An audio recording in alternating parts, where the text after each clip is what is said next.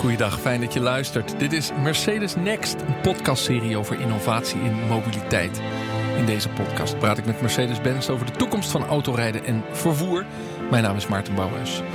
De mens verplaatst zich natuurlijk meer en vaker en ook steeds verder. Reiskilometers stijgen door de eeuwen heen en dat gaat overigens exponentieel. Maar de wereld wordt voller en de klimaatverandering dwingt ons tot innovatie in die mobiliteit. Hoe pakt Mercedes-Benz dit aan? In deze laatste aflevering praten we over yes. Hoe kom je met een positieve mindset sneller tot nieuwe ontwikkelingen? Het gaat om niet bang zijn, creatief zijn, lef tonen en natuurlijk fouten maken en daarvan leren. Je luistert dus naar de Y, de Y van Yes in Mobility in deze serie. Bij mij aan tafel Peter Zelstra, eh, manager marketing communications Mercedes-Benz Cars. En Steven Nelemans, oprichter van eh, Amber en deskundig op het gebied van technologie en nieuwe mobiliteit. En Amber is dan een deelplatform van elektrische auto's. Die ze samen met gebruikers hebben ontwikkeld. Dus eh, Steven, daar wil ik heel graag met je over doorpraten. Maar Peter, eerst.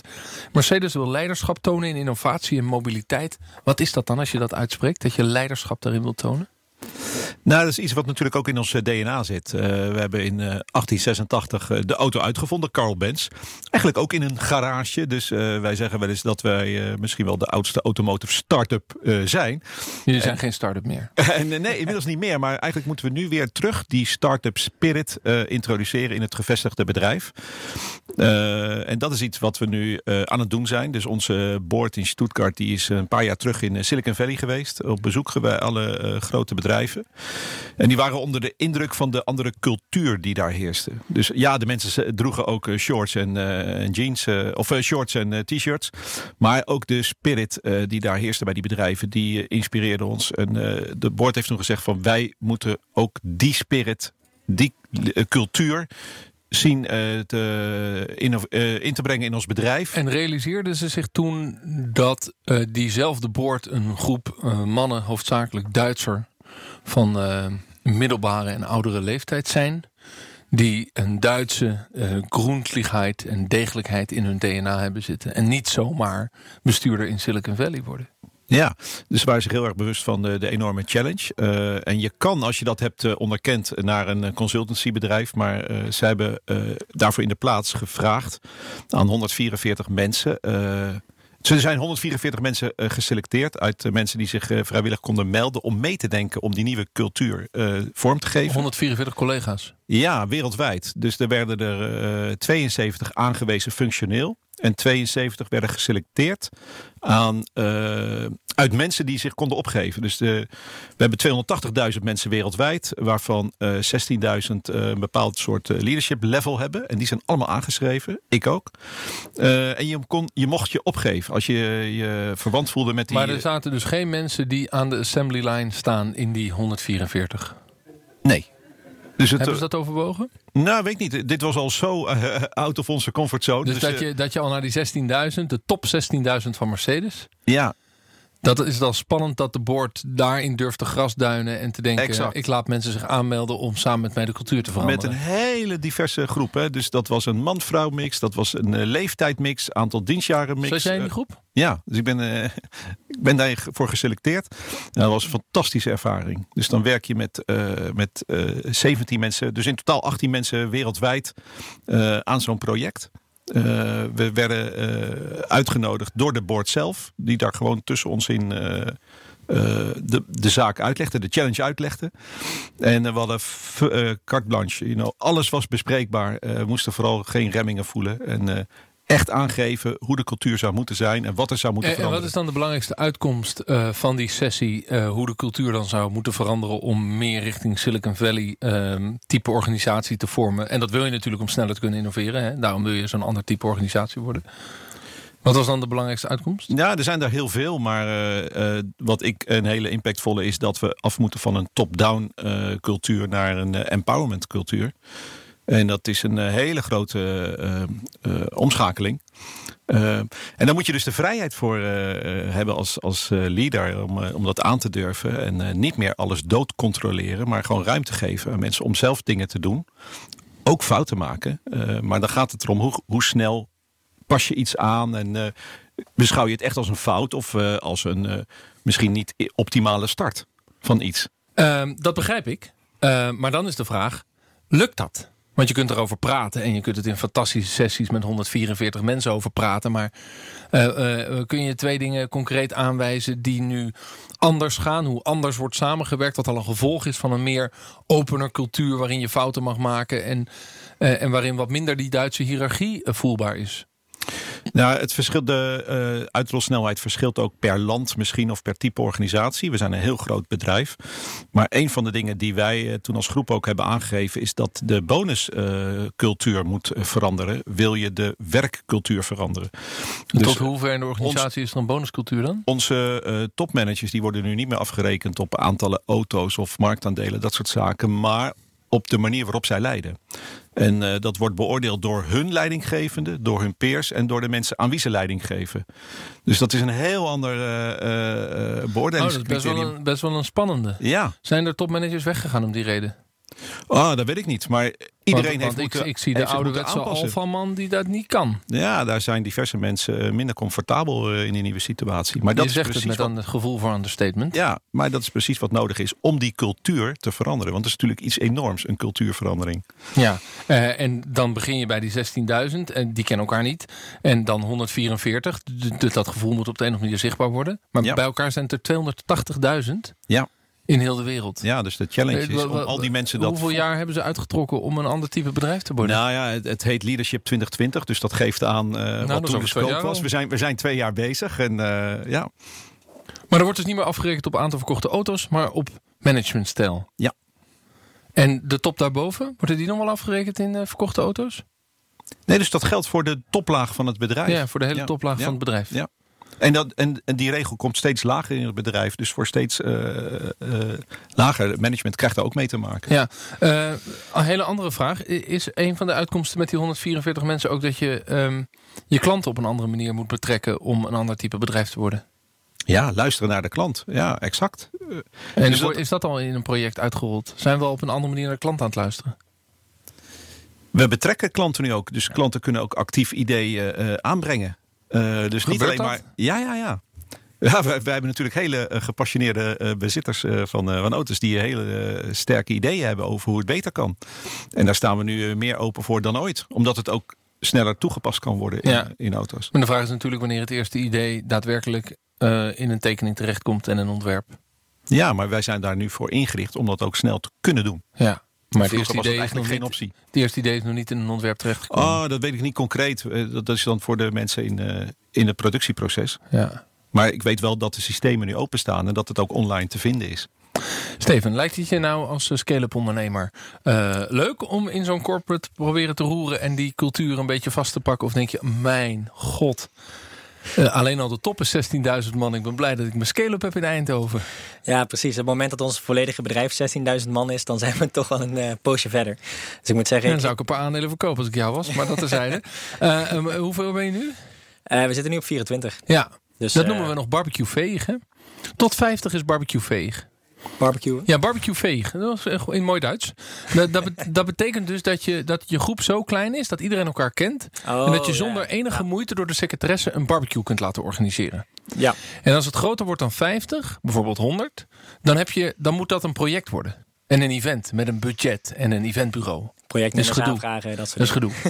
Tot 50 kent iedereen elkaar. En kun je eigenlijk kan de secretaresse op vrijdagmiddag een paar kratjes bier neerzetten en een barbecue en klaar ben je. Dus, is Ja, ja, precies. dus, precies. dus dan ben je dus echt een agile organisatie. Dan kun je heel snel schakelen. Ja, klopt. Ja. En dat is inderdaad ook hoe wij georganiseerd zijn nu, mede omdat we zo weinig mensen hebben. Het leuke is ook, om nog een beetje terug te haken op waar jullie het net over hadden, over Silicon Valley. Ik ben er zelf een aantal keer geweest. Het is een hele interessante regio. Vooral ook omdat eh, de, de kleinere bedrijven die daar zitten gigantisch snel eh, ondernemen. Maar juist de grote bedrijven die daar zitten, noem een Apple, een Tesla, een Uber, een Facebook, die zijn, die zijn enorm log. Net zoals de, de bedrijven die hier in Europa zitten. Die zijn eigenlijk weer de ouderwetse logheid gekregen van Mercedes en, en de andere grote premium. Ja, mooi Om maar te zwijgen van Air France, maar ga door. Ja. Ja, precies. Nee, mooi voorbeeld. Je hebt Facebook, die eh, hebben laatst een keer gezegd, of volgens mij was het vorig jaar of twee jaar geleden.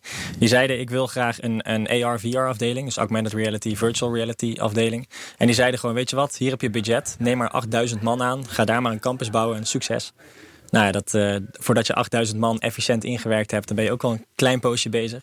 Maar het gaat er vooral over zulke gigantische bedragen. En die mensen die roepen gewoon alles van de toren. En dan vervolgens moeten ze het dan nog een keer gaan realiseren. Dat is vooral de mindset die anders is in Silicon Valley. Ja, ja dus er is wel een, een, een trage, stroperige, uh, mammoetankerachtige corporate cultuur. Ja.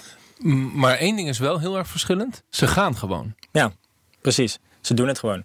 En dat is ook het leuke. Je ziet zelf inderdaad bij heel veel mensen die ook gewoon daar komen werken. Het zijn, het zijn iedereen is daar ondernemer bijna. Of je nou uh, drie start-ups hebt gehad, gefaald hebt en alsnog bij een groot bedrijf gaat werken. Bij een Tesla of iets dergelijks. Iedereen is en blijft altijd een ondernemer.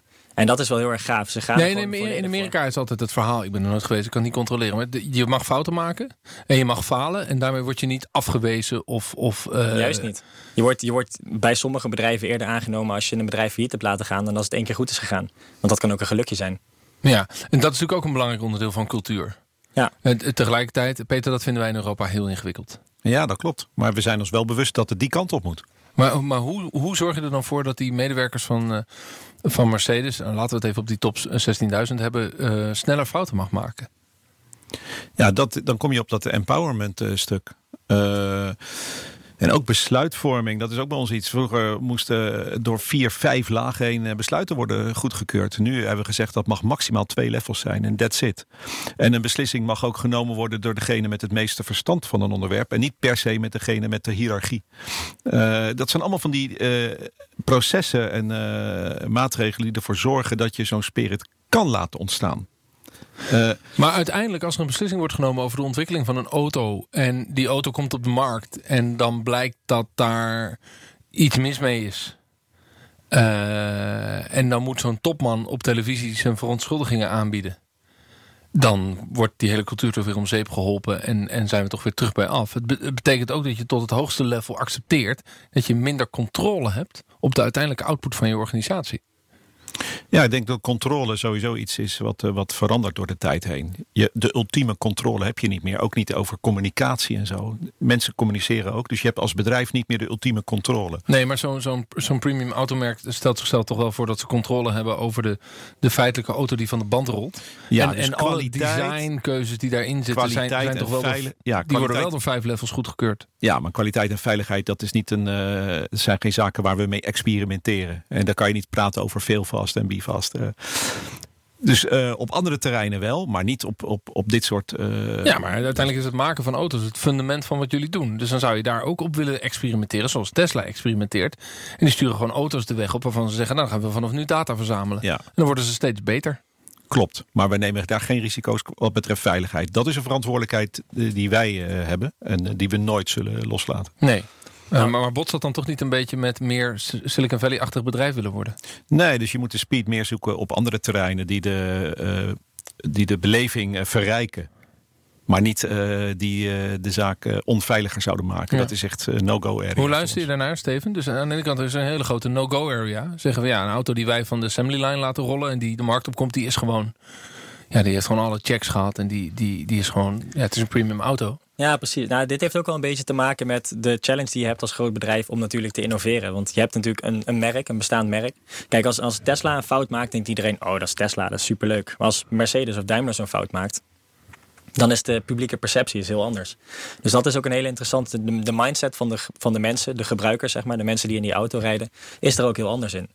Dus, uh, dus nou, daar, daar hebben grote bedrijven ook heel erg mee te maken. Ja, dus in die zin is het logisch. Maar is het dan niet heel ingewikkeld om um, uh, dat naast elkaar te hebben? Dus aan de ene kant wil ik als, als bedrijf veranderen. Meer naar die ondernemende manier van uh, zaken doen en van werken. Aan de andere kant wil ik, wil ik geen enkele concessie doen als het gaat over veiligheid en, en ja, uitstraling. En de, nou, datgene wat Mercedes voorstaat, zullen we maar zeggen. Ja, klopt, en dat zit wel in één organisatie. Ja, het is, het is wel een enorme challenge. Ik ken ook veel bedrijven die een innovatieafdeling hebben. Die mensen die bedenken prachtige dingen. Maar elke keer als ze iets in de praktijk willen brengen, lopen ze tegen een gigantische muur aan. Dan komen ze terug van ja, ik heb over vier maanden heb ik een afspraak kunnen regelen. Nou, zo, zo kun je natuurlijk niet innoveren. Nee. Maar dat komt ook weer, dat hebben we een andere aflevering ook over gehad. Dat businessmodel, dat is gewoon heel erg belangrijk. Zodra je een goed lopend businessmodel hebt, dan heb je ook niet echt de noodzaak om te innoveren. En dan moet het echt vanuit pure eigen overtuiging komen. En betekent dus dat iemand die een goed idee heeft, of een RD-afdeling die, dat hebben we vorige aflevering besproken, 9 miljard mag verspijkeren. Dat hij ook heel snel met goede innovaties uh, bij de boord en niet vier maanden wachten op mijn afspraak, een verhaal moeten kunnen komen vertellen. Ja, maar die, uh, um, die snelheid van verbeteren, die, die kan even goed gerealiseerd worden. Want je kan dus eh, de veiligheid of de kwaliteit ook verbeteren. Dus daar kan je ook in innoveren. Maar dan, dan begin je met het huidige niveau, maar je maakt het nog beter. Dus de challenge is hetzelfde. Alleen wij zeggen, wij gaan geen experimentele zaken introduceren... waarbij de veiligheid in het geding komt. Ja, begrijp ik. Maar de, de, We hebben een hoge standaard en die willen we tenminste vasthouden. Dat begrijp ik, maar de, de, de manier om die standaard vast te houden de afgelopen 100 jaar was eigenlijk vrij traag innoveren. Namelijk, je blijft investeren en je gaat iets pas introduceren als het echt goed is. Ja. Uh, en de, de snelheid van nieuwe technologie, dat gaat steeds sneller. En de consument eist ook steeds sneller. En misschien dat we over tien jaar wel elektrisch de standaard is. Ja, en dan moeten jullie dus een premium elektrische auto op de markt hebben. Exact. Die je nu nog niet hebt. Nou ja, bijna. Volgens Bijna, mij uit. Ja, ja maar Ja. dat is dan de eerste, hè? Ja. Terwijl je 120 jaar gewone benzineauto's hebt gebouwd. Ja. Dus dat is nogal een dingetje. Dus de- dan wil je toch een bedrijf hebben wat, ja, waarin de, zeg maar, de lijnen kort zijn. En ook al gaat het over de, de kwaliteit en de veiligheid van de auto, er toch snel geïnnoveerd kan worden. Ja. Nee, dus we hebben nu heel de, de organisatie daar ook op ingericht. De cultuur wordt aangepast. Dus al die randzaken die nodig zijn om dat te doen, die, die zijn er nu. En, die daarmee zou dat moeten gaan gebeuren. Absoluut, nee, maar geen twijfel. Dus- Ehm, Oké. ehm, een ander stapje, Steven. Eh, die- eh, Jij hebt een klein bedrijf. Je zit met 25. Nou, dat is hartstikke mooi. Eh, eh, Zo'n zo'n bedrijf als Tesla. eh, ehm, innovatieve bedrijven. eh, Of Mercedes. Wil jij daarmee samenwerken eigenlijk? En op welke manier? Ben je al wel eens gebeld? Om de club te kopen? De club te kopen nog niet. Nee, we hebben wel eh, meerdere OEM's al over de vloer gehad die toch even kwamen kijken wat wij aan het doen waren. Zowel uit Amerika, Zuid-Azië als uit eh, Duitsland. dus we hebben, wel, eh, we hebben wel veel gesprekken met ze gevoerd. Dat ging nog niet heel concreet over kopen. Maar vooral inderdaad ook over die samenwerking en samen leren. En hetgene waar, we het net, waar jullie het net ook over hadden, dat het experimenteren. Veiligheid mag inderdaad, zoals je ook zei, nooit in het geding komen. Want dat is het allerbelangrijkste. Maar je kan wel als kleiner bedrijf veel makkelijker experimenteren. Omdat je niet dat grote logo op je deur hebt hangen. Dus dat is een, een samenwerking die je heel makkelijk aan kan gaan. En dat is ook als je kijkt naar hoe wij uiteindelijk het, het, het platform en het product hebben ontwikkeld. We hebben namelijk een aantal auto's bij ABN AMRO, onze eerste klant, neergezet. En zijn gewoon samen met de medewerkers gaan kijken van een hele basic app hebben we ze gegeven. Wat mis je nu? Wat zou jij ervoor over hebben? Wat mis jij en wat heb je nodig om uiteindelijk die stap te zetten naar niet meer je eigen auto bezitten? En daar hebben we gigantisch veel van geleerd. Gewoon maandenlang zijn we ermee bezig geweest. Elke keer weer een nieuwe update van de app. Gingen ze weer een week, twee weken testen. Is het nou goed genoeg? En uiteindelijk zeiden ze van ja, dit is echt iets. Als ik dit heb, dan, nou, dan zet ik die eigen auto aan de kant. En zo zijn er dus ook best wel een aantal medewerkers die gewoon hun eigen auto al verkocht hebben. Die dus kilometers declareerden, maar nu volledig over zijn gegaan op een Amber. Die eigen auto hebben verkocht, een deelfiets hebben, of een elektrische fiets hebben aangeschaft. En die gewoon hun woon-werkverkeer met elektrische fietsen doen. Omdat ze nu een platform hebben wat ze ook gewoon echt willen hebben. En Dus, dat de- dus de- vrijheid. het product wat jullie uiteindelijk gemaakt hebben... is heel erg samen met de gebruiker ontwikkeld. Ja, klopt. Klopt. Maar dat kunnen wij ook doen omdat wij enerzijds heel snel kunnen ontwikkelen. Dus het was ook zo, we hadden een gesprek met een gebruiker. We liepen naar een andere kamer. Daar zaten drie programmeurs klaar. Die, die typten iets. En in dezelfde middag hadden ze al een update van de app, zeg maar. Zo snel ging dat. Maar het heeft er ook mee te maken dat wij op die gebruikers af kunnen stappen. Omdat zij ons ook zien als een klein bedrijf. Ze vinden het leuk, ze vinden het gaaf. Jonge ondernemers. Dus ze willen daar ook graag heel erg graag in bijdragen. En dat is ook een, een, een mindset van gebruikers die heel anders is dan als ze bijvoorbeeld benaderd zouden worden door een heel groot bedrijf. Vind je het jaloers maken? De manier waarop zo'n Ja, klein ik vind- bedrijf ik vind het heel zo- fascinerend. Zo, kort op de bal kan ja, spelen. ik vind dat heel fascinerend. Dus dat is misschien voor ons de horizon om die speed te realiseren. Maar ja, dat is geweldig. Denk je dat het kan? dat je het zo'n snelheid kunt ontwikkelen in contact met je gebruiker. Nou ja, het, het blijkt. Het kan nu al. Ja, maar Dus- denk je dat jij het kan? Ja, nou, ik denk het wel. Misschien in, in een eh, aparte omgeving van eh, het lab 1886, wat een ons eh experimenteer eh, eh, unit is. Ja. Maar tuurlijk, we beseffen heel goed dat het die kant op eh, gaat en moet. Nou, eh, hebben we veel over Mercedes in deze podcastserie gepraat als eh, ja, autobouwer die ook aan het veranderen is. In deze eh, laatste serie praat je dan over een cultuurverandering die men probeert te realiseren. Waar, waar staat Mercedes nou in, in 2025? I- Is het, is het dan nog steeds een, een autoproducent? Of is het een soort community geworden? Of zijn er heel veel producten en diensten omheen... waardoor ik het niet eens meer... Nou, het is wel een autoproducent... maar ik, ik realiseer me als klant ook dat ze van alles anders doen. Hoe zie je dat? Ik denk een mix van dat alles. En dat is het aardige. Dat eh, mensen die nu eh, bij ons komen werken, die komen ook met een heel ander eh, vertrekpunt bij ons werken. Die hebben een heel ander beeld van het merk nu dan tien jaar of twintig jaar geleden. Welk beeld hebben zij dan? De mensen die nu binnenkomen? Ja, die vinden Mercedes nu helemaal hip. En uh, die, die zien de vormgeving van de auto's. Die zien waar we mee bezig zijn. En die, terwijl vroeger, dan werd er nog gesproken over misschien grijs of oudbollig. Nou, dat is nu geen sprake meer van. Bij, de, bij jonge mensen die op, nu op ons bedrijf uh, afkomen. Maar dan gaat, het over, dan gaat het toch weer over het imago van de auto's. Ja, ook van en we hebben natuurlijk een aantal, aantal afleveringen gepraat over de sharing, uh, klanten. Ja. En, en, daar zijn jullie ook mee bezig. En autonoom rijden. En dan komt allerlei, komt allerlei technologieën en ontwikkelingen aan. Waardoor de vraag is of je, of je als merk een soort van autofabrikant blijft. Nee, maar je staat dus uh, voor meer dan alleen een autobedrijf. En de, de, jonge mensen die signaleren dat al, die zien dat. En die hebben een heel ander beeld van het merk en van het bedrijf dan, uh, dan traditioneel. Kijk, als je het vergelijkt met uh, bijvoorbeeld Apple, een van de grote jongens in Silicon Valley. Het overgrote deel van de productie van, van de telefoons is gewoon uitbesteed. Ja. Dus ze, ze zijn eigenlijk, wij denken Apple is een telefoon maker. Dat zijn ze natuurlijk helemaal niet. Nee. Het, is een, het is een techbedrijf, het is een platform. En dat er ergens in China een fabriek staat waar ze telefoons maken. Zou het die kant op kunnen gaan? Dat je zelfs een stuk van je autoproductie gewoon compleet uitbesteedt buiten je eigen bedrijf? Dat zie ik nog niet zo snel gebeuren. Maar ik heb inmiddels ook wel geleerd om niks uit te sluiten. Maar uh, dat is het aardige. Je, alles is denkbaar.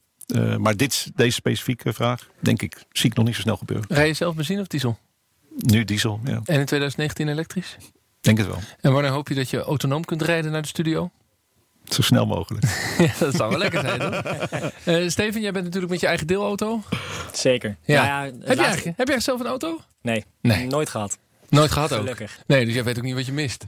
Dat is, dat is waar. Dat is waar. Maar ik, ik heb, ken veel mensen die een auto bezitten. Dus ik weet enigszins wat ik mis. Veel onderhoud en reparaties en tijd oh, ja. kwijt en tanken. En, ja. Dat soort gedoe. ja. Ik stap zo weer in mijn eigen auto. Met de stekker, overigens. Maar dan kan hij maar 35 kilometer mee rijden. Okay. Dat schiet ook niet echt op. Uh, jongens, ik vond het erg leuk. Uh, een podcastserie met Mercedes met als titel Mercedes Next. Jongens, bedankt voor het luisteren. Uh, bedankt Peter Zelstra, manager marketing communications Mercedes-Benz Cars en Steven Nelemans, oprichter van Amber, deskundig op het gebied van technologie in nieuwe mobiliteit. Ja, dat was hem dus alweer die laatste serie in deze mooie podcast. Alle afleveringen staan voor je klaar op de site van Mercedes. Luister heen, terug, vooruit en opnieuw. Bedankt voor het luisteren. Mijn naam is Maarten Bouwers. Dag.